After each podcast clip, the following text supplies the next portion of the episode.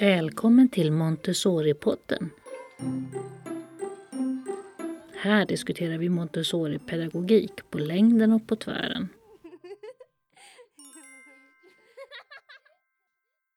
Hej på er! Nu är det dags för ännu ett avsnitt av Montessori-podden. Maria Schacki heter jag och gör denna podd åt Montessori förskolor och skolor i Sverige AB. Alla ni som är intresserade av Montessori-pedagogiken är dock vår målgrupp för denna podd. Nu är hösten i full gång och jag kan tänka mig att i era ateljéer på förskolorna och skolorna målas med just inspiration från hösten. Jobbar du dessutom med de yngre barnen? Då är detta avsnitt verkligen något för dig. I förra veckan var jag på Stockholms internationella Montessori-skola, STIMS, och träffade Ann-Charlotte Johansson. Vi pratade skapande, estetiska processer och de yngre barnen, kanske främst de under tre år. Jag hoppas att du får lite inspiration och saker att tänka på. Diskutera gärna avsnitten på vår Facebook-sida, Montessori-podden. Och har du tankar och idéer för nya avsnitt? Skicka gärna ett mejl till montessoripodden gmail.com. Eller kanske just du sitter inne med specialkunskap eller intresse för ett visst ämne och kan tänka dig att medverka. Tveka inte att säga till i så fall. Så, nu lyssnar vi på Lottas kloka ord om skapande på småbarnsavdelningen.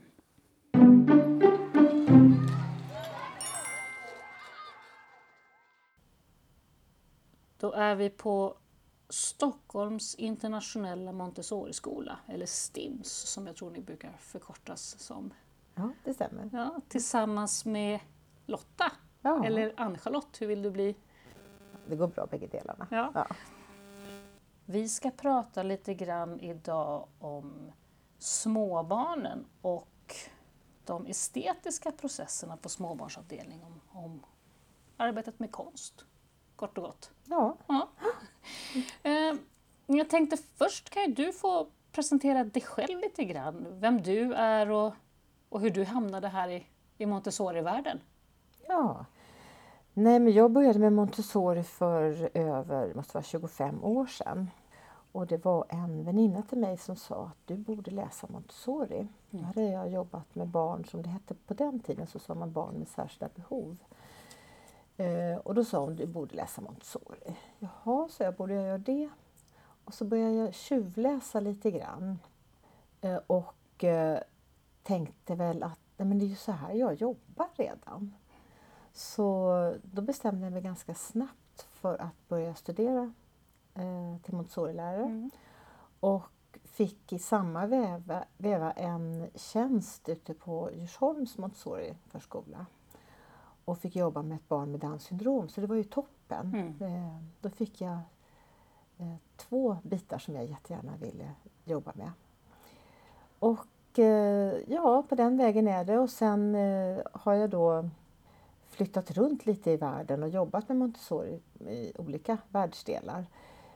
Och har väl fastnat på de sista åren för de små barnen.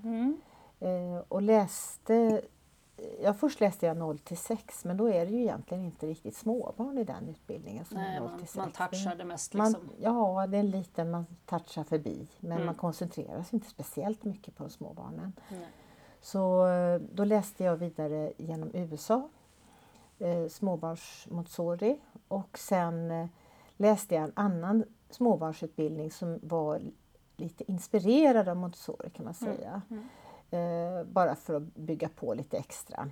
Vilken läste du i USA? Eh, NAMC, Okej. North American. Mm, mm. Och sen så eh, läste jag på skoj också Camilla Karlbergs utbildning som då har lite annan inriktning kan man säga. Mm, Men det mm. blev en bra balans i de två utbildningarna. Ja, på den vägen är det väl. Mm. Och sen hamnade jag här på STIMS Ja, ganska nyligen. precis. Du sa det. Fråga inte för mycket om skolan för jag är alldeles ny. Ja, Men vi kan berätta lite kort om, om Ja. STIMS, vad, Ja. som är en ganska stor skola. Jag har inte varit här förut men det Nej. förefaller jättestort. Ja, nej men jag träffade ju Jill Nilsson som startade skolan. Mm. Träffade jag för eh, ja, flera år innan hon startade den. Då arbetade vi tillsammans eh, och hon, eh, jag föreläste i ett företag som heter Academedia och Vittra och föreläste i Montessori-pedagogik till personalen där. Och eh, sen så småningom så eh, ja, blev det så att Jill startade STIMS här. Mm.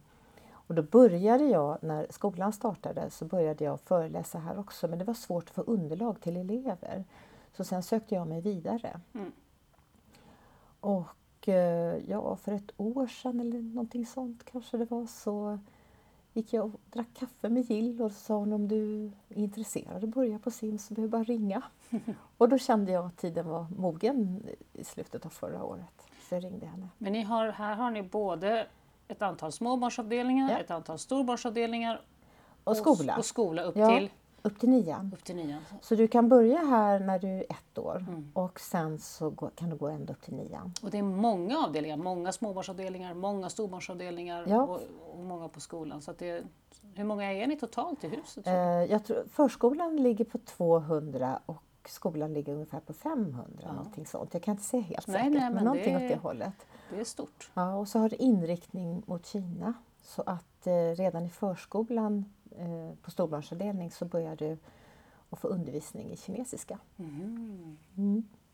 Vad häftigt. Ja, och vi gör väl en liten touchdown på det på småbarn genom att vi sjunger eh, när barnen fyller år på kinesiska. Men det får Okej. du inte fråga mig om hur man sjunger Nej, för nej, det, nej, den kan jag inte. Ja, så det är kinesiska, det är där det, liksom, det internationella kommer in. Ja, och sen att det är eh, mycket engelska också. Okej. Mycket Mm. inriktning på engelska. Och, och det vi ska prata om lite grann idag är det här med estetiska processer och vad jag förstår så är det här ditt lite specialintresse då i Ja, klassrummet, konst och estetik och ja den precis. biten. Ja, nej, men jag tänkte att eh, innan jag blir för gammal så tänkte jag att jag ska studera konst. Så då gjorde jag det för några år sedan och tog lite ledigt ifrån arbete i förskola och läste på heltid. Eh, egentligen inte konst utan mer processer och kreativitet Mm. eh, via, via Folkuniversitetet. Så jag gick en utbildning som heter levande verkstadspedagog blir man. Då gick jag ett år på heltid och sen andra året eftersom jag redan var pedagog så kunde jag eh, komma in mera på workshops och få uppdrag och slutföra arbeten hemma och lite sånt som Mm. skulle skrivas eller, eller göras rent praktiskt.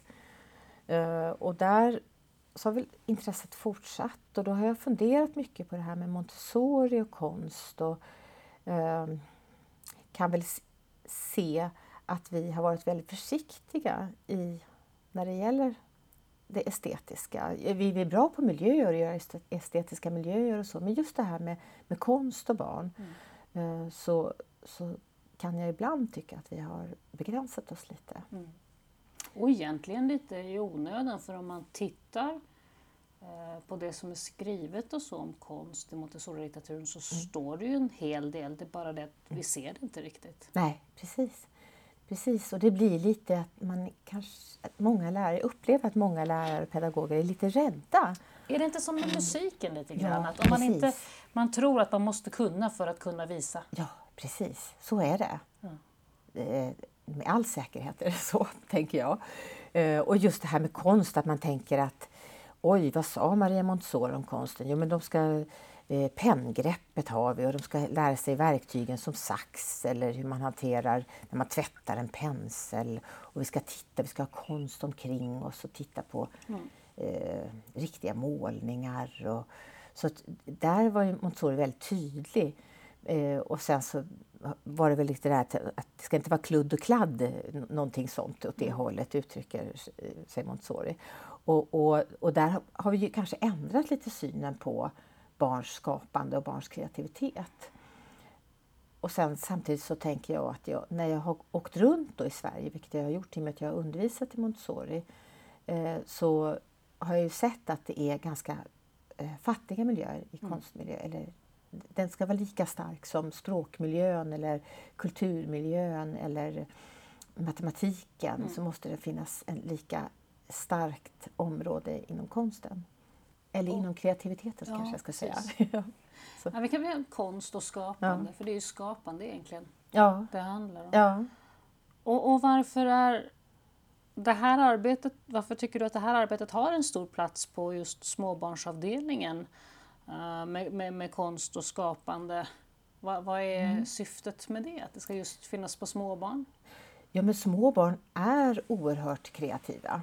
Sen tänker jag då att vi kanske, det kanske är vi som förstör barns kreativitet. Eller som inte lyssnar och tittar riktigt vad det är som sker kreativt. Eh, Då blir det lätt, om man går upp på en, om vi sätter storbarnsavdelning, så nu ska alla göra ett träd. Och så här ska vi göra trädet, så här ska det se ut. Och så gör Och så, har- alla och så har vi tagit fram en brun, en orange, en Ja. grön och en gul. Och så är, kritan. höstträd. Ja, Ja. och så är höstträdet färdigt och alla Ja. har gjort samma träd. Alla har målat samma toarulle. Eh, och, och då tänker jag att då, då har vi redan berättat för barnet att så här ska ett höstträd se ut. Det där är ju alldeles, alldeles för vanligt. Ja, alldeles för vanligt. Istället för att, tänker jag, titta på olika strukturer. Hur ser, hur ser den här strukturen ut? För de äldre barnen då, att kunna undersöka hur är ett trädets struktur, gå och känna på det titta på det, försöka kanske måla av det eller använda olika verktyg för att skapa den Hur ser ett strukturen. visset löv ut? Ja, Är det platt? Nej. Nej, det är inte det. Och var det verkligen orange? Nej, det kanske inte var det Nej. riktigt heller. Eh, och, och, ehm, eh, sen tänker jag med små barn att de måste ju få den här början någonstans. Och vi som pedagoger måste se till att inte begränsa deras kreativitet genom att gå in och säga att så här målar man ett hjärta. Så här gör man när man ritar ett hus. Så här ska det se ut.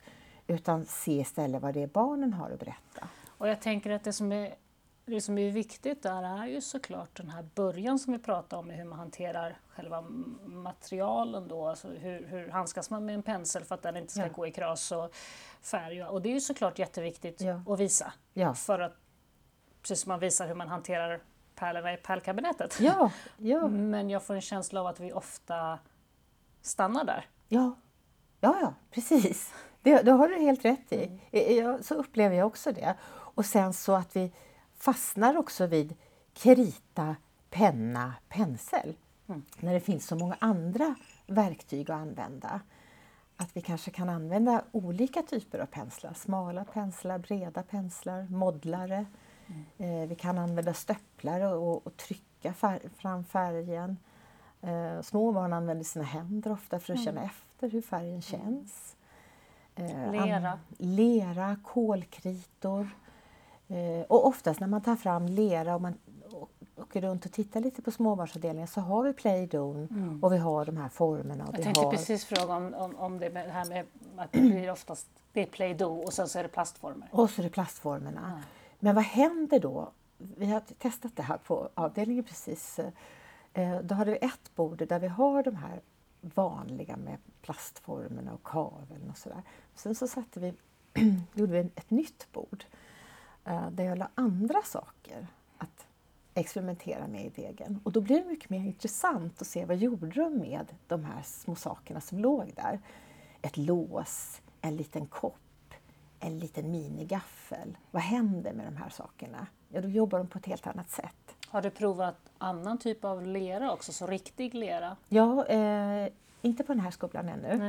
Eh, men det finns eh, eh, man kan prova med riktig lera och sen finns det lera som är lite mjukare så att barnen kan arbeta med den på ett Mm. annat sätt. Nu kommer jag inte ihåg vad de heter riktigt. Och sen kan man också ar- arbeta med trolldeg. Eh, för jag tänker också att eh, småbarn kan ju smaka på ganska många saker och så, så, man är måste det tänka. så. Ja, men också att forma med, eh, med tapetklister, giftfri. Att Mm. se vad kan man forma med det. Eh, ja, lite flera. Jag tänker att vi ska använda alla typer av material och alla typer av material. Vi ska jobba med ull, vi ska jobba med tyg och inte vara rädda för att bjuda det till de Nej, små precis. barnen. Alltså, sy, det klassiska sypysslet är ju också en del av, Ja, av det skapande. ja, och vad händer innan man syr? Mm. Eh, vad kan man göra då innan man syr? Men vi kan använda, fortfarande använda tyger men vi kanske klistrar tyger. Mm. Eller vi kanske lägger tyger bredvid varann och ser hur de ser ut i relation till varandra med olika mönster och former. När du då vill bygga upp det estetiska arbetet på små barn, var brukar du börja? Hur bygger du upp det? Jag tänker att, att barnen måste få prova någonting ett längre tag. Att man inte kan byta ut saker för ofta, utan det måste finnas där ett tag. Och ge alla barn en chans att prova på. Och de barn som inte provar, det gör inte så väldigt mycket. Alla barn behöver inte göra lika. Um, ja, eller hur tänker du nu? Nej, nej det, jag tänker, det jag tänker på är lite grann hur, vad finns det för olika Ja, men rent praktiskt, vad finns det Ja. för olika övningar, material, Ja. hyllor? Liksom, vad, vad, Ja. vad tänker du på en småbarnsavdelning? Vad, vad är rimligt att där finns? Ja, nej, vad gäller skapande. Om vi nu också utgår från det här som vi sa förut att man som vuxen, om man inte känner sig bekväm med det skapande så är det inte alltid, precis som musiken, inte alltid så lätt att veta var man ska börja. Mm. Nej, men jag tänker variation. Eh, att det ska finnas eh, kanske Eh, om man ska börja enkelt och inte ha överflöd av saker så kanske man har eh, en bricka där det finns med kritor, en där det finns med pennor, en där det finns en, någon arbete med stöpplare. Så att man har olika, eh, olika brickor men inte för många. Några övningar där man kan prova att arbeta med lim, eh, klister på något, av något slag. Eh, arbeta vid staffli. Och då kan det vara vid staffli att man har roller eller pensel eller stöpplare eller Mm. modlare. Mm. Så man, man väljer någonting. Eh, eller har ett litet bordstaffli har vi just nu där vi jobbar med eh, att de får doppa ett litet, litet tops och måla med tops. För det är också att få in det här lite finmotoriska Ja, ja, ja. och se vad som händer om man gör prickar eller om man gör bågar och cirklar. Eh, Men jag tänker att man inte har för många övningar utan snarare byter ut dem efter ett tag. Precis, Mm. precis som man gör med allting annat. Med allt annat, ja. Precis. Och inte byter upp för ofta. Nej. Så. Vad är det vanligaste då som du tänker att man ser på, på en, bland de yngre barnen just med småbarnsavdelning med konst som det vanligaste felet kanske man gör? Eller fel, ska säga. Ja. Att du bara känner liksom att okej, det här var ju, blev för kladdigt eller messy eller var för avancerat. Ehm, är det vanligare att man gör det för enkelt eller vanligare att man gör det lite för komplicerat? Jag tänker ofta så ser man Ibland får jag en känsla av att skapande verksamhet förväxlas med pyssel. Ja. Eh, Just som vi pratade om det här med trädet. Mm. Och, och, och pyssel har ju en plats i verksamheten. Påsk, jul, vissa saker, Mm. fine. Men det ska ju inte riktigt förväxlas med skapande. Nej. Och, och det här med mallar och övrigt. Hur, vilka fallgropar finns det Ja. här? Jag tänker också att pyssel kan vara lite, sådär, lite nedsättande ibland. Mm. Att ja, då sitter du och pysslar. Mm, mm. Och att, att man då tar bort det här att barnet kanske koncentrerar sig eller har fullt fokus för att få av den lilla klisterlappen för att kunna klistra dit hjärtat på Ja. alla hjärtans dag Mm, eller vad det mm, kan vara mm. för någonting. Och, och plus att då är det ju mera inriktat för vad vi har bestämt att barnen ska göra. Ja, och lite mer så. inriktat på produkten. Pro- produkten, ja, färdiga produkten. Och jag tänker ändå att när barn, eh, små barn, när de ska limma, då kan de ju sitta och limma och, och, och verkligen sätta dit alla de här små delarna. Sen när de har gjort det, då tar de loss alla delarna igen. Ja. Och då står vi där och tänker, åh, vi måste rädda den här så att föräldrarna får se den första gången barnet har limmat eller klistrat. Eh, och det kanske inte var det som var det viktiga för barnet att ha den här färdiga produkten utan det var att sätta dit dem. Sen lägger man tillbaka dem i skålen igen där de var. Då kanske man får passa på att filma lite grann under tiden det här Ja. händer om man nu vill dokumentera. man får vara snabb, ja, man får Ja. snabb. För det går ju undan med små Ja. barn. Och det, ibland kan det vara att, att bara sätta dit några bitar och de är nöjda med det. Det är ungefär som vi har på praktiska vardagsövning. Ett barn diskar för diskandets skull, inte för att, Mm. att det ska bli diskat och klart. Mm. Utan just bara för det här diskandets skull. Men några sådana här enkla, som du säger, brickor med, Ja. med, med kritor och färger och lite lim. Mm. Hur brukar du göra där? Lägger du fram kanske en färg i taget eller tar du bara några grundfärger? Eller hur? Eller det är liksom- nog lite olika, det beror på vilka barn vi har. Om vi har Mm. väldigt många små barn som Mm. kommer, väldigt många ettåringar, så kanske man får ha lite färre. Men till slut så måste ju barnen utmanas också. Ja. Och det måste bli lite mer spännande att ha flera färger och se vad som händer när olika färger möts. Och det här är väl kanske en skillnad då att se vad som att, att exempel konsthyllorna ser lite annorlunda ut i september mot vad de gör i maj. Jo, det är sant. Eh, och, eh, du frågade också tidigare just det här med om man gör för svåra övningar Mm. eller om det blir att man misslyckas. Att det, Mm. det där gick inte bra, det fungerade inte alls. Och det kan man egentligen inte riktigt veta. Eh, för vissa saker som man själv tänker, men det här är ju, verkar vara en jätteattraktiv, rolig övning, tycker man själv. Och sen när man serverar det till barnen så eh, reagerar de med att nej men det där var inte, det var inte så roligt. Jaha. Det, ja, och då får man ta det helt enkelt som Mm. pedagog. Det där, det, Den flög inte. ja, jag tror att som, eh, som pedagog och jobba med eh, skapande och kreativitet så krävs det lite mod också att göra Mm. fel. Och lite mod att våga prova olika saker. Eh, så som det krävs mod för en, för en konstnär kanske, att göra någonting. Att Det- våga prova. Det jag har tänkt på ibland när jag är runt på en del förskolor och så, och ser, så ser jag att vi ofta så jobbar ju barnen självständigt och enskilt eller möjligen i par och sådär med ganska mycket olika saker oavsett om det är ja, men, du vet, rosa tornet eller en hällövning eller någonting.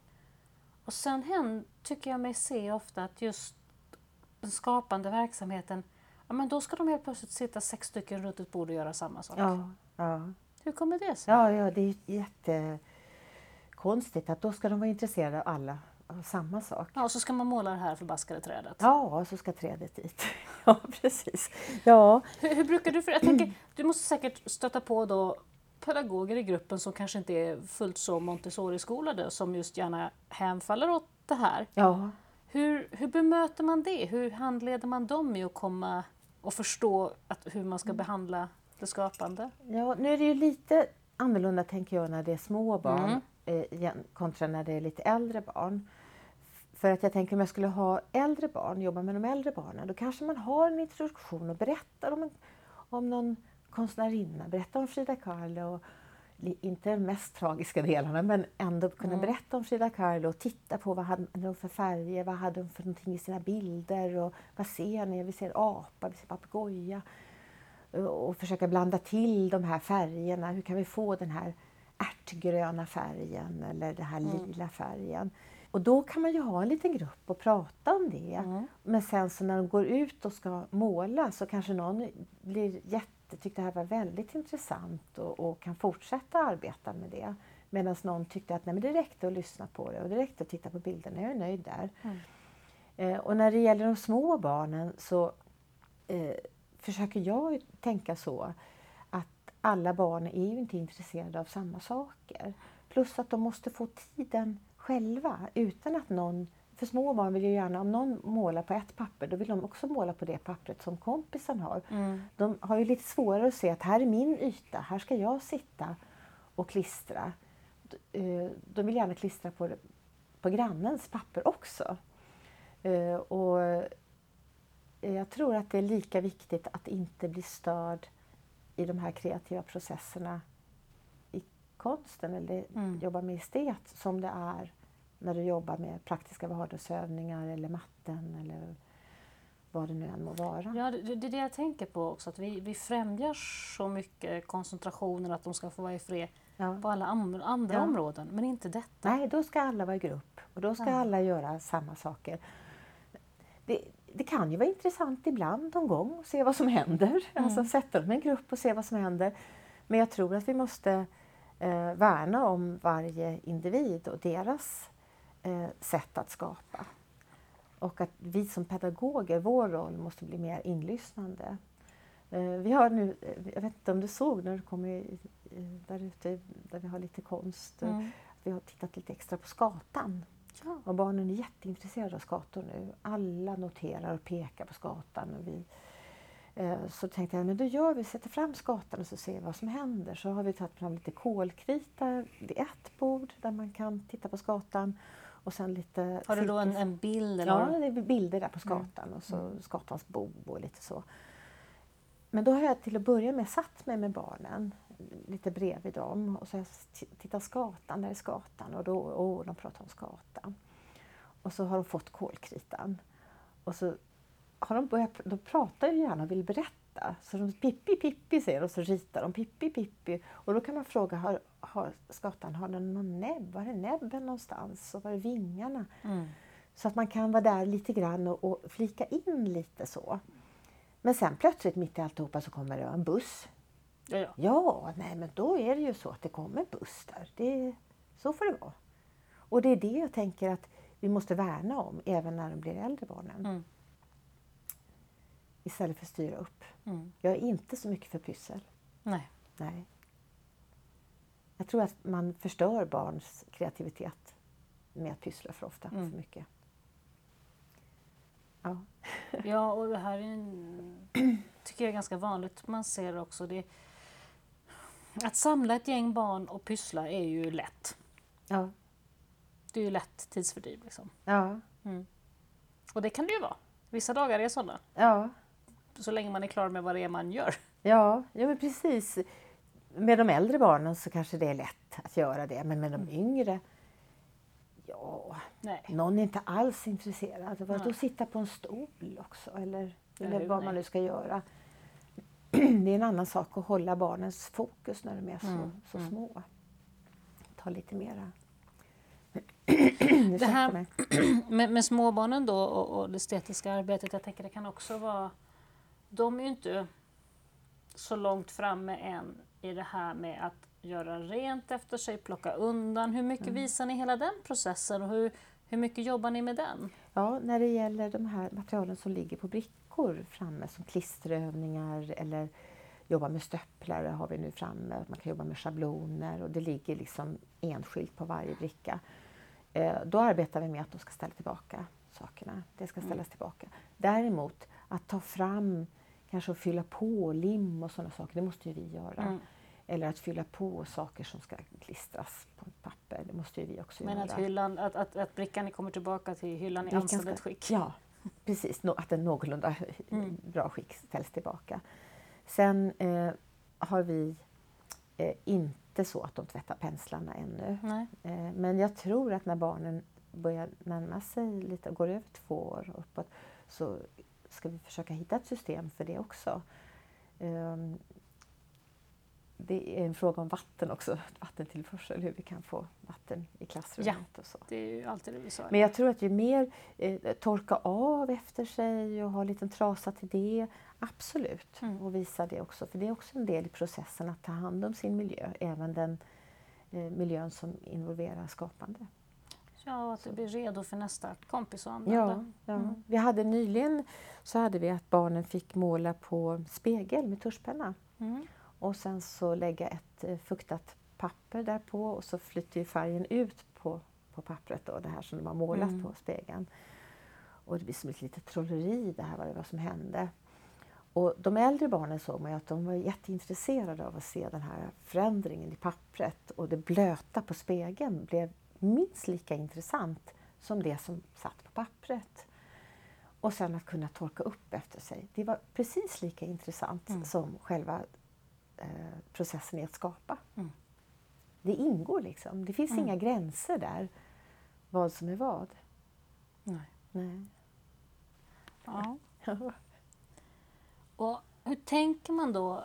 ehm, På en Montessori-skola så är ju miljön väldigt viktig. Hur, hur skapar man en miljö som, som främjar det estetiska och det skapande? Vi har pratat om hyllor och att det ska vara tillgängligt och sådär. Men hur, hur i övrigt skapar man en miljö som det- främjar? Det eh, samma, det estetiska. Hur ser miljön ut? Är det vackert? Ligger det fint på brickorna? Har vi, vad har vi på våra väggar? Eh, har vi konst på väggarna? Eller har vi det här som lockar just nu, då, att det är en skata? Man kan gå och titta på skatorna och bli inspirerad utav dem. Så det, det, det är på exakt samma sätt som det ska vara, på exakt samma sätt som som resten av miljön. Det här vackra, det här försöka få fram färgerna, försöka få fram så många olika typer av material att komma i kontakt med. Hur tänker du där? Att, eh, ni jobbar ju också lite internationellt och, mm. och, det finns ju lite grann en tradition av framförallt i förskoletradition i många andra länder att det är väldigt plottrigt på väggarna. Ja. Och i, alltså rent dekorerat i största allmänhet, ja, att det är saker högt och lågt. Ja. Uh, och, och, och, det ska pyntas till max. Och hur tänker, hur, hur, hur, tänker ni där? Eh, om det, om det pyntas till max så försvinner allt. Då mm. finns det inte kvar. Nej. Då blir det ingenting. Det måste ju också vara för barnens skull så att de kan se eh, det som är på, om det är på väggarna. Mm. Eh, sen är det ju så att föräldrar vill ju, vad har du gjort idag? De vill se någon sorts resultat. Och där tror jag att vi pedagoger också måste eh, förstärka det här med processer. Att det är de som är det viktiga, inte vad som sitter på väggarna. Eh, så att inte för plottrigt, väldigt tydligt vad som ska visas. Så om det är ett konstverk, om vi tittar till exempel återigen då på Frida Kahlo säger vi, så, så, kanske vi har en eller två bilder men tydligt eh, framlyfta så barnen kan se mm. dem. Nu, just nu har vi lite tygtryck framme och då räcker det med två bilder på det.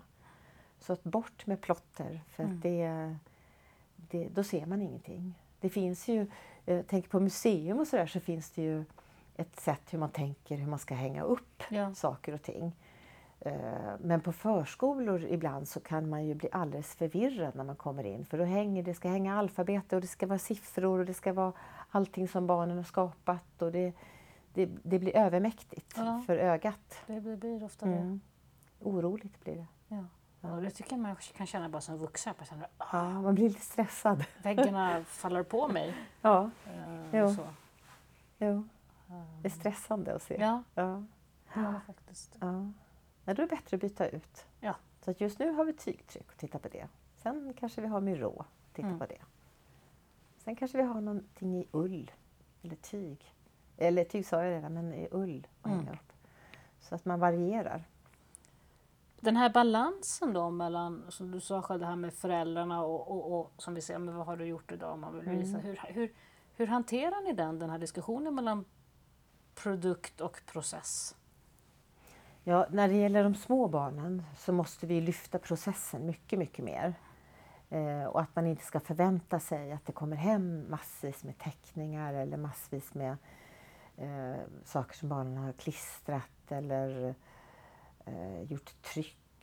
Att det, inte, det kommer inte att komma hem eh, så många saker. Men däremot så är vi noga med att försöka fotografera barnen när de jobbar med någonting lite diskret sådär. Och det är inte så lätt alla gånger med småbarn. De är väldigt medvetna om att nu kom det fram kameran. Mm. Eh, så att man, man, får ju vara snabb och samtidigt då så försöka som pedagog att inte, eh, att inte det blir så att kameran kommer mellan mig och barnet. Mm. Utan att jag fortfarande är den som ska vara i kontakt med barnet. Eller att barnet ska få jobba i fred. Så jag tror att det är det vi måste trycka på. Och då när vi ändå pratar om kamera och, och, och att den är i vägen sådär. Mm. Har ni börjat jobba någonting med digitala verktyg i den skapande processen? Eh, här på Stims har inte jag hunnit med det riktigt än eftersom jag är ganska så ny. Men jag har tidigare jobbat med tvååringar, från två år upp till treåringar mm. med att fotografera sin utemiljö. Mm. Eh, och det är väldigt intressant. Och de har fått, haft de egen... fått ha paddan och få fotografera. Ja, roligt. Mm. Så det skulle jag gärna fortsätta med mm. faktiskt. Mm. Vad hände då? Berätta lite grann om det arbetet. Ja, men det, eh, vi var, jag vet, en grupp jag hade, vi var och tittade på änderna. Och så eh, tänkte vi att ja, men det kan vi låta änderna inspireras. Men, men för det lilla barnet så åker ju den här paddan lite upp och ner och det kanske inte var änderna utan det kanske bara var att klicka, att trycka på. Mm. Att trycka på.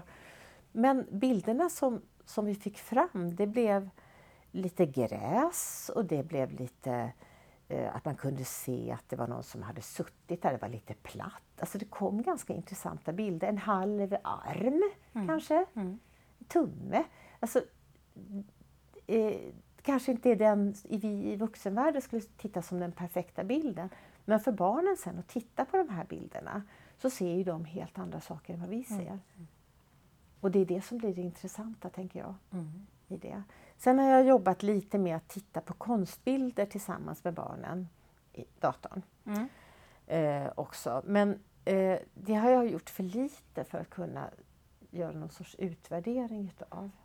Eh, jag har nu jobbat med bilder redan som är men det här med att barnen får vara med och ta bilder så att ja. säga och vara mm. medvetna om det. Mm. Ja, det är intressant. Det, det, tycker jag alla skulle prova på. Ja. Och se hur barnen sen... Sen måste man ta fram bilderna så att barnen kan se dem, mm. återse dem många mm. gånger. Inte bara en gång, utan flera gånger. Mm.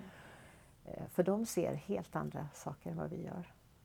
Vi hade för många, många år sedan, tio år sedan kanske, på stora avdelningen så hade vi hade köpt en ny digitalkamera, så den gamla digitalkameran fick bli då pensioneras som ja. barnens kamera.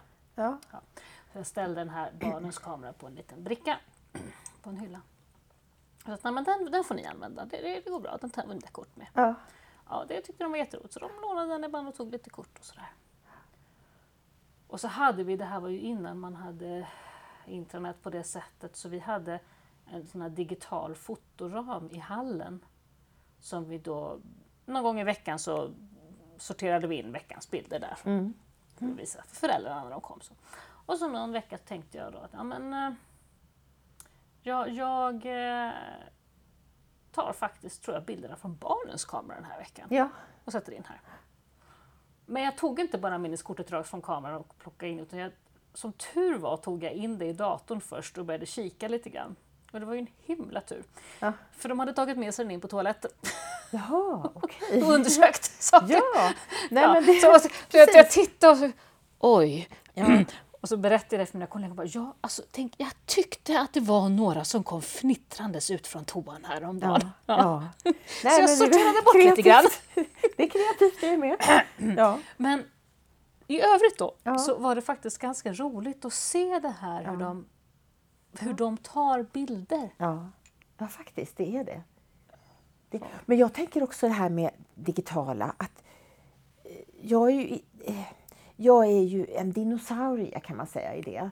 Jag, och där skulle det krävas mera mod från min sida. Mm. Att våga mer. Men jag mm. vet att när jag gick min utbildning då som var att våga och prova lite mer så fick jag göra tecknad film och sådana saker. Och jag vet att jag mådde fysiskt dåligt mm. för jag tyckte att jag var så fruktansvärt dålig på det. Mm. Och jag hade så svårt att ta till mig alla de här bitarna i det digitala. Och äh, var väl också lite ointresserad. Men jag tror också att ointresset är, har med rädsla att göra. Säkert. Och att man inte har tillräckligt med mod. Mm. Uh, så då säger jag ju alltid så här, ja men det viktigaste för de små barnen det är ju det här sensoriska och få känna och få lukta och smaka. Och jag tycker fortfarande det, att det är så. Men jag tycker ju också att jag skulle behöva fatta lite mer mod. Mm. Och, och skaffa mig lite mer kunskap kring vad man faktiskt kan göra med små barn utan att låta det på något vis ta över. Men bara det här med att låta dem vara delaktiga i det digitala skapandet, att ja. just ta bilder och att uh, om man filmar när de dansar och sen ja. tittar på det tillsammans, ja. att det här var det ni gjorde, att de är Att man inte bara är där som, den, som tar foto på det de gör utan att de själva är med och skapar ja. Uh, fotona. Ja, det är, det, det, är en, det är en stor bara det är en stor sak. Ja, ja. Det första jag kommer ihåg själv i den vägen var för 15 år sedan kanske.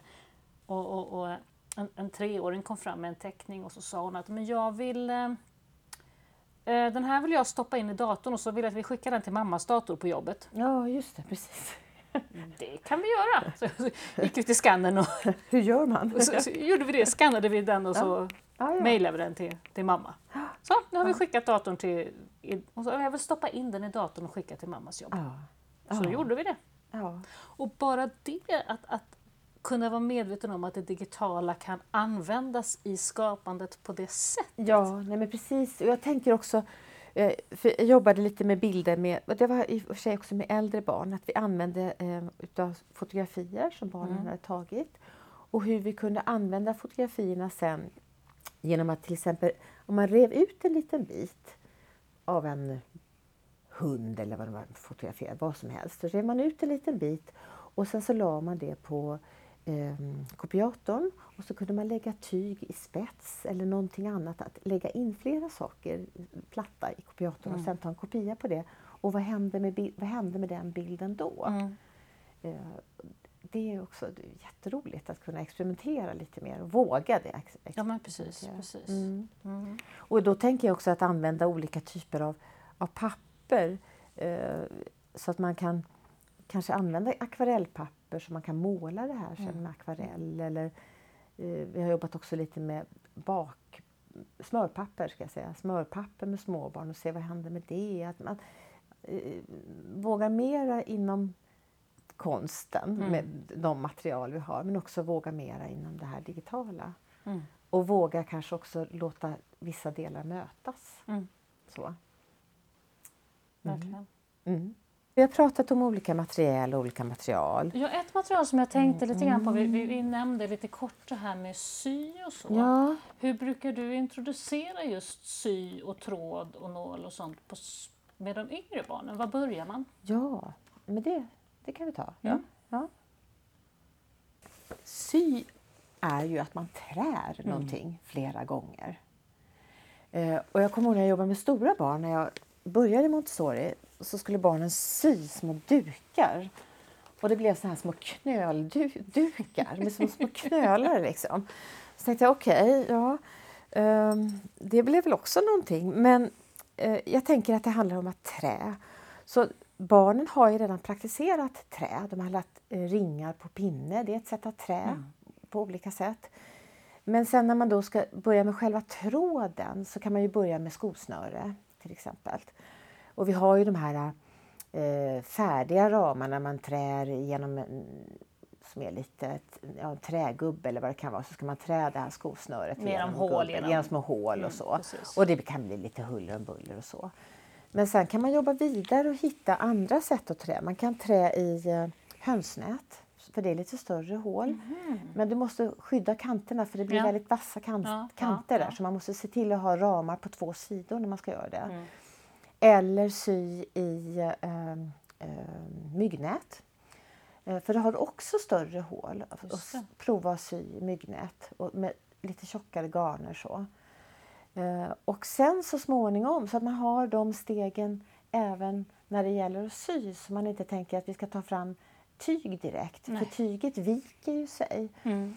Eh, och sen tänker jag att om man då ja, ska... om man drar för hårt i en ajdaväv så... Så, då blir det en liten knöl. Ja, det, sant, det blir knölduk. Ja, och då är nät mycket bättre att börja ja, med. Det är sant, det steget ja. har jag inte tänkt på. Och sen kanske man kan börja sy säck, säckväv. Mm. Men då att använda sig av de här äh, ramarna som man kan ha när man broderar. För mm. då fäster man upp tyget lite mera. Ja. Och samma sak att kanske sen börja i linnetyg istället. Att gå vidare till linnetyg. Och att använda broderiramar. Just ja, det. att använda de här broderiramarna. Smart.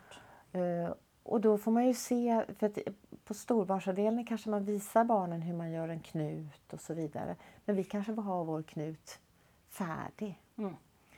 Och använder eh, nålar som är runda, att det inte är vassa mm. nålar utan runda nålar. Så småningom, beroende på om man har då äldre barn som är två och ett halvt eller två uppåt, då kanske man kan börja med vassa nålar och visa att nålen är vass. Mm. Men har man väldigt många småbarn så, så får man tänka om lite kanske. Mm. Mm. mm. Men just att se också att sy är steg från kanske ringa på pinne, eh, stoppa in boll i hål, att det är det här med mm att stoppa på något vis. Mm. Eh, mm. Stoppa i och dra mm. trä om och om igen. Ja, precis. Så jag tror inte man ska vara rädd för att ta fram de tygerna. Och sen så tänker jag med ull, att jobba mm. med ull. Hur kan jag jobba med ull? Jag vill kanske inte kardar precis på en småbarnsavdelning. Men de måste få komma i kontakt med materialet. Uh, och vad jag gjorde med riktigt små barn tidigare, det var att jag satte upp plastfilm och barnen fick sätta fast ullen på plastfilm. Okay, som självhäftande? Liksom. Självhäftande. Ah. Och då har de jobbat med ull. Mm, så. Mm, mm. Och sen när de är äldre barnen då kanske man kan jobba med, med att fästa uh, ull och att det ska inte bli något men att prova lite mer vad händer när man fäster ullbitar på med nål mm. på uh, ullunderlag. Men, men våra små måste få komma i kontakt med det. Har du med de små testat det här med sykort? Så att man har lite grövre papp Ja, som man gör, man gör hål i? Ja, sykort kan man också ha. Mm, det kan också mm. vara ett steg innan du kommer till, eh, Sy, till att sy, sy. Precis. Men ibland så kan det vara lättare att använda sig utav hönsnäten eller utav eh, myggnäten. Och att de får sy lite huller om buller, trä den här tråden precis som de vill. Mm. Eh, för sykortet kräver någonting utav dig, att följa det här att det ska bli en, vad det nu kan vara, en nalle eller vad det En nu kan vara för eller en någonting. tre eller något Ja. annat som man har tryckt ut där. Eh, Ja. Men ja, den, det kanske är mer krävande på det sättet, Mm. att det ska bli någonting Och så syr de ju ofta, kors och tvärs. ja och vänder inte utan de Nej, syr runt De syr kanten. runt. Ja, precis. Och det måste de ju få göra Ja.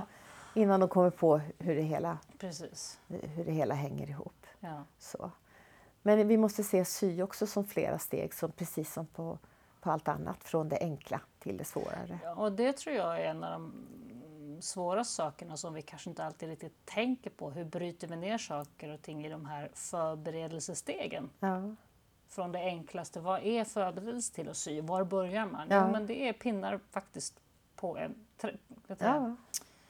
Ringar på en pinne. ja, det börjar på sensormotoriska material. Det är liksom där Ja. det börjar. Och I många fall så tror jag att man har svårt att föreställa sig det. Ja. Hur långt bak man måste Ja. börja. Liksom. Men det är samma sak, tänker jag, i, allting. Att Mm. När de ritar så säger man att barn tycker det är kul att rita. Ja, men faktiskt här så har de gjort eh, starten till skrivning. Det är det Mm. de har gjort här. De har gjort grundformerna. Eh, som att göra prickar på ett papper, dra streck, göra halvbågar, cirklar. Det är inte bara start till, att, till konsten, till skapandet, utan det är också till, till att skriva. Ja. Och vad har de med sig då innan de har, kan göra de, de här sakerna? Det, ja, det är också igen då de sensormotoriska materialen. Mm. Så att man måste tänka hela, hela vägen. Så. Precis. Mm. Ja, jag tänker också det här med att använda naturmaterial, för naturen finns ju mycket gratis. Eh, Och det här undersökandet, eh, att det knyts samman med skapandet, att känna på olika sorters kottar kanske, tallkotten kontra grankotten. Mm. Och att man då också ser formerna, så att formläran är redan i, i, i naturen med de små barnen. Eh, För vi vill gärna gå in och visa triangel, eh, cirkel och kvadrat. Eh, och ibland så tänker jag att man fastnar där. Det blir den här triangel, cirkel, kvadrat om och om och om igen. Istället för att liksom se att vi har börjat med geometri mycket tidigare. Vi har börjat Mm. med det redan när vi var ute och plockade kottarna. Sen så småningom så kanske man namnger formerna men inte just kanske med de små barnen riktigt ännu. Men de måste få komma i kontakt med de olika formerna och få uppleva dem. Eh, och att man kan använda sig utav, eh, vi har tittat på st- kastanjer nu eftersom vi har så många kastanjeträd här Ja, utanför jag så, skolan. såg det utanför. Ja. Det av Ja, fullt. Så eh, då har vi passat på att titta på kastanjer och känt på, på själva vad ska man säga, skalet på Mm. kastanjen och sen Taggarna. och- taggarna och så. Och, och sen att öppna upp det här och hitta den här släta fina kastanjen där inne. Mm. Och vi har använt det även i, jag har gjort lite konstverk med de här taggiga kastanjerna och rullat dem i färgbad faktiskt. Mm. Och sett vad som, som, vad som händer med det. Mm. Så att just att ta, ta in naturen och våga... Eh, jag är lite sådär anti att trycka för mycket med, med mat, med grönsaker och sådär eftersom jag tänker att men, här svälter folk i Göra världen. Så pasta, sit- så sitter- och sådana Ja, saker. så sitter Mm. vi här och, och känner runt i ris eller, Mm. Eh, eller ska trycka med alla morötter vi har. Och så, jag har lite svårt med den delen. Men, men eh, om det är fallfrukt och det är väldigt mycket så kanske man kan ta Mm. lite äpplen och trycka med. Så. Mm. Eh, Eller att om man kan använda lite kryddor och, och se vad man kan skapa med gurkmeja till exempel. Vad blir det för färg när man Mm. blandar ut det? Mm. Så att, att vi använder också naturprodukterna i, i konsten. Ja, växtfärgning och, Ja, och annat sånt. ja. Mm. så. Jaha. man som pedagog inte har något som helst självförtroende Mm. vad gäller skapande verksamhet. Vad ska man ändå försöka ta sig i kragen och, Ja. och få, få på plats? Ja men vad bra! Eh, För jag tänker nog att eh, eh, det är väl det som gör att, som begränsar oss, Mm. vårt eget eh, sätt att se på skapande och att vi är väldigt rädda. Men jag tror ändå att sätta, tänka olika materiel, olika material. Mm. Och vad, hur kan jag lägga fram det så att det blir begripligt för barnen? Att det inte blir ett överflöd på en bricka till exempel, eller vid ett staffli. Om de ska jobba vid ett bordstaffli så kan man ju ställa fram lite fler attiraljer. Men hur kan det vara så att det är tydligt för barnet? Och sen tänker jag, gör fel då och ta bort det sen. Det, det är inte hela världen. Och där är det väl lite sådär i Montessori att vi är så otroligt strikta på att det ska bli korrekt, att någonting kan bli fel. Och det får inte bli fel och det här med självrättande och hela den biten.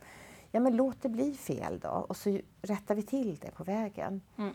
Så att man behöver inte vara så rädd men kanske begränsa saker på brickorna. Eh, inte ha framme för mycket men tänka Ja, här har jag kritor, det är ett material. Här har jag pennor, det är ett annat material.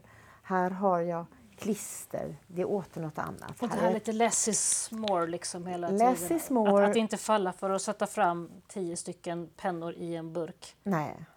Nej. Men sen så småningom kanske du behöver Ja. tio pennor i en Så är burk. det ju. Men inte Så- i augusti. Nej, inte i augusti kanske. Nej. Men så småningom. Och då, då ändå tänka eh, variation. Att Mm. barnen får prova på olika saker. Att det finns en variation. Och det tror jag alla kan tänka. Vad kan man klistra? Vad kan man, eh, eh, ja, vad kan man klippa? Mm. Vad kan man känna på? Mm. Och så vidare. Precis. Har vi fått in tyg? Har vi fått in eh, olika typer av papper? Mm. Att det inte bara finns vanligt vitt papper. Vi har växtpapper, vi har eh, papper för vattenfärg, smörpapper, kartong och så vidare.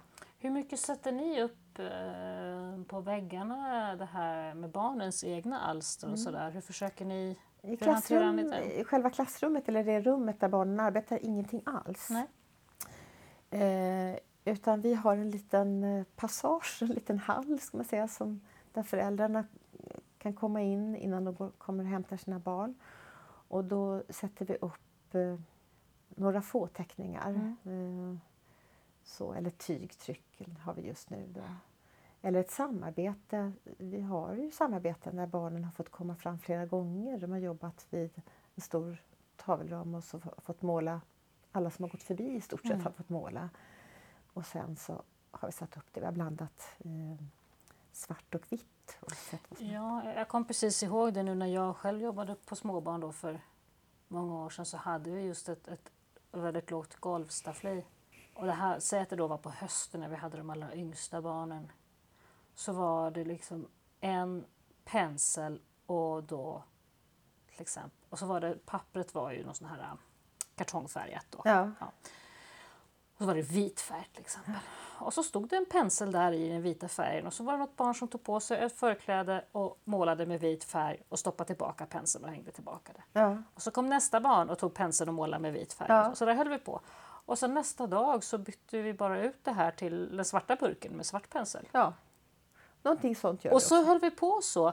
Tills det här pappret inte klarade att bli målat på längre så bytte vi ut det till ett nytt papper. Ja. Och då blir det ju väldigt tydligt att det här är inte, det här handlar ju bara om processen att, att testa och dutta med penseln på ett papper och se vad som händer. Ja. För att när nästa person kommer så kan den bara fortsätta på nästa. Ja. Och så målar vi över det med en kontrasterande färg dagen därpå. Ja. Att det är ju liksom... Och sen hade vi den andra sidan på, på staffliet som då kunde sedan användas till lite mer individuellt skapande. Att nu har jag satt upp en bit papper och nu ska jag måla det här som vi ska spara. Men det var liksom inte det som var huvudsyftet med det här första. Nej, och det, så har vi jobbat också. Att de, vi kan, jag kallar det för momentmålning. Mm. Ja. så att eh, om barnen eh, har målat, oavsett om det är med, vatten, eller med vattenfärg eller med eh, akrylfärg, vad det nu kan vara för någonting. Men även med pennor, om jag Mm. har pennor vid, olika pennor vid staffliet, att barnen kan gå fram flera gånger. Och nästa gång kanske vi har tagit bort pennorna och lagt dit någonting som får klistras fast. Mm. Så kan man klistra former på, på det pappret plötsligt och då blir det någonting helt annat. Mm. Då har vi fått någonting helt annat. Och det handlar bara om processen, inte om själva resultatet. Och, och eh, ibland målar ju barn så mycket så att det går hål i pappret. Alltså det blir så otroligt intensivt så. Och då får man bara byta ut det alltså, och fortsätta med något nytt. Ja. Ja. Men jag kommer ihåg det att det var väldigt, och det var kanske framförallt på hösten när det var ganska Ja. små som, som så småningom sen så accelererade det till att vi hade kanske tre grundfärger Ja. och sådär. Ja, Och man faktiskt kanske bytte ut pappret varje dag ja, och lite så. ja. Eh, Men, men det var, det kommer jag ihåg att det var väldigt, det var, och det var ju inget konstigt. En ett halvt-åring bryr sig inte om att någon annan kommer och målar med samma pensel på det du har Nej, inte ett dugg. skvatt. Inte ett dugg. Och vi hade nu framme eh, att de kunde blanda svart och vitt och det blev grått. Och på, det, på den eh, målningen då, eh, eh, panon, en panå som låg framme, Mm. Så hade, hade jag tejpat upp rut, ett rutsystem med eh, frystejp. Nej. Så att när barnen målade eh, så målade de helt fritt och tog sig lite olika. Ja, någon kom och målade lite längre, någon lite kortare tag. Eh, och sen så var något barn med, inte alla barn, inte så här kom nu alla barn ska ni få se vad som händer när jag bo- drar bort frystejpen. Utan de som kommer, kommer. Och så fick de se det här vad som hände. Vilket trolleri det blev. Att det blev faktiskt rutor. Eh, och, och några tyckte att ja, men det var väl ingenting. Eh, och någon har reagerat på det och sett att ja, men det blev någonting. Det hände någonting där i målningen med det här. Och det kan man, den, den har vi hängt upp den bilden så att barnen kan gå förbi och kanske fundera lite på det. Och så. Mm. Ja. Och komma ihåg processerna. Ja, komma ihåg processerna. Och, och, ja. och det, den bilden bjuder vi också föräldrarna på att komma och titta Mm, på. mm, mm. Men inte alla bilder. Nej. Nej. Jag tror att vi själva inte ska begränsa oss till vad skapande är för ett litet barn. Nej. Eh, skulle de kunna sitta och kladda med mat och Mm. gegga runt som små, små bebisar vill ju känna och ha Mm. maten i, i händerna. Eh, för att känna konsistensen både med munnen men också med händerna. Och det skulle man kunna se till ett sätt att skapa också. Mm. Så. Mm. Mm. Absolut. Så, så att vi, det är väl vi som pedagoger som får fundera lite på kanske vad, vad vi menar med skapande och vad, det vill, vad det vi vill bjuda barnen på. Så att vi inte begränsar vår skapande verksamhet Mm. för mycket. Mm. Och det är svårt. Det är Ja. svårt det där hur mycket styr man. För egentligen när vi, gör, när vi gör ordning våra brickor, vi styr ju upp. Ja. Så är det ju. Det gör vi ju. Ja. Samtidigt får man ju tänka att vi ändå ger nycklar Ja. till att kunna Att jobba prova. vidare sen. Ja, precis. Att kunna prova och Mm. ha komma i kontakt med någonting. Upptäcka nytt. tekniker och material. Och sen att det får ligga kvar så man kan få göra det flera gånger. Mm. Många, många, många gånger Mm, upprepa. mm. Men sen att hela tiden kanske, nu kan vi ta in något nytt. Eller bara byta färg på pappret. Ja, precis. Nu är det dags att ta en annan färg på kritorna. Mm, Eller vad det nu kan mm, vara för mm. någonting. Så. Mm. Det lilla kan ofta räcka. Ja. Tack så jättemycket Lotta för att vi har fått prata lite grann om småbarnen och de estetiska processerna. ja, men tack själv. Jättespännande. Ja, nu har jag fått lite mer att fundera på också. Vad bra. ja, tack själv. Tack.